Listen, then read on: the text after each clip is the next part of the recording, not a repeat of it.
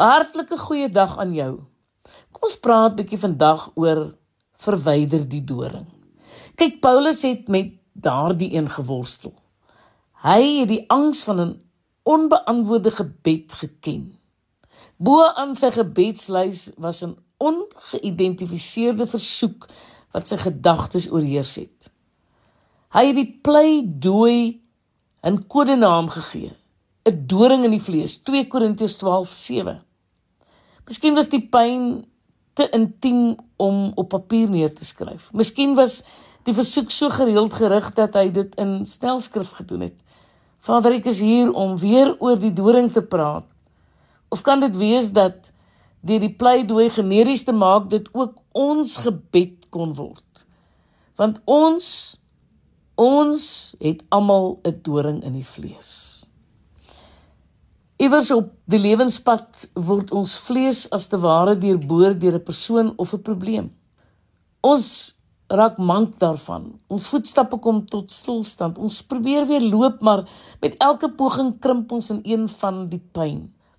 En uiteindelik pleit ons om God se hulp.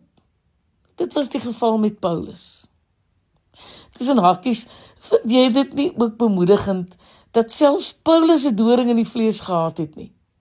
Jong, daar is vertroosting in om te weet dat een van die skrywers van die Bybel nie altyd op dieselfde bladsy as God was nie. Dit was nie sommer net 'n vlugtige versoek nie. Dit was nie 'n naskrif in 'n brief nie. Dit was die eerste pleidooi van die eerste sin. Here God, ek het hulp nodig. Ook was dit nie sommer net 'n oppervlakkige gebed nie. Dit was 'n deurdringende pyn. Elke tree wat hy gegee het, het 'n siddering deur sy gebeente gestuur. En by drie verskillende geleenthede het hy na die kant van die wandelpad gestrompel en gebid. Sy versoek was uitdruklik: "Verander my omstandighede." En God se antwoord: "My genade is vir jou genoeg." 2 Korintiërs 12:9. Om Jesus te beleef is nie sommer net 'n ervaring. Salig onbewus of vrygeskel van persoonlike pyn nie. Om die waarheid te sê, is pyn noodsaaklik ten einde die volheid van Jesus te beleef sy sterkte, sy getrouheid, sy vertroosting. Ja man, die Bybel leer ons dat ons sal deel hê aan sy lyding Filippense 3:10. Pyn is 'n sentrale faktor in Jesus se lewe, verraad, hartseer, lyding en selfs die dood. Dit is een ding om alleen pyn te beleef, maar dit is iets anders as Jesus dit met jou deel. Hy het reeds daardie pad voor jou geloop. Ja, die wat nog deur die stampe en stote van die lewe moet gaan, het nog nie die soete gemeenskap van die belewenis van hierdie moeilike tye saam met hom gehad nie. Maar weet jy wat? Sy genade is vir jou genoeg. As God versoeking weggeneem het, het Paulus miskien nooit God se genade aanvaar nie. Net die wat honger is, waardeer tog goeie kos. En Paulus was doodhonger. Die selftoegekende titel aan sy kantoordeur het gelei Paulus hoof van die sondaars. Geen pen het ooit genade beskryf soos wat Paulus se net nie. Dit mag wees omdat geen mens ooit genade soveel waardeer het as wat Paulus het nie. Jy wonder waarom God nie die versoeking uit jou lewe verwyder nie?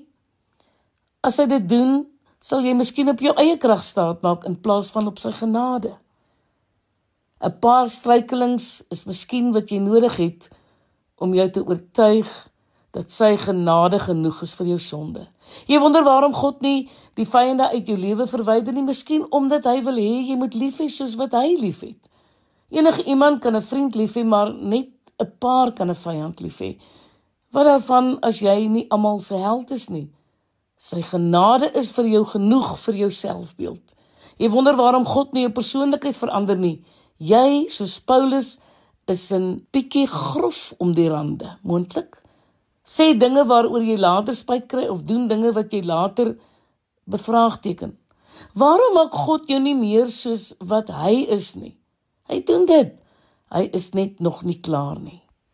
Totdat hy is, is sy genade genoeg om jou tekortkominge te oorkom. Ek is Lenet Beer vir Radio Kansel.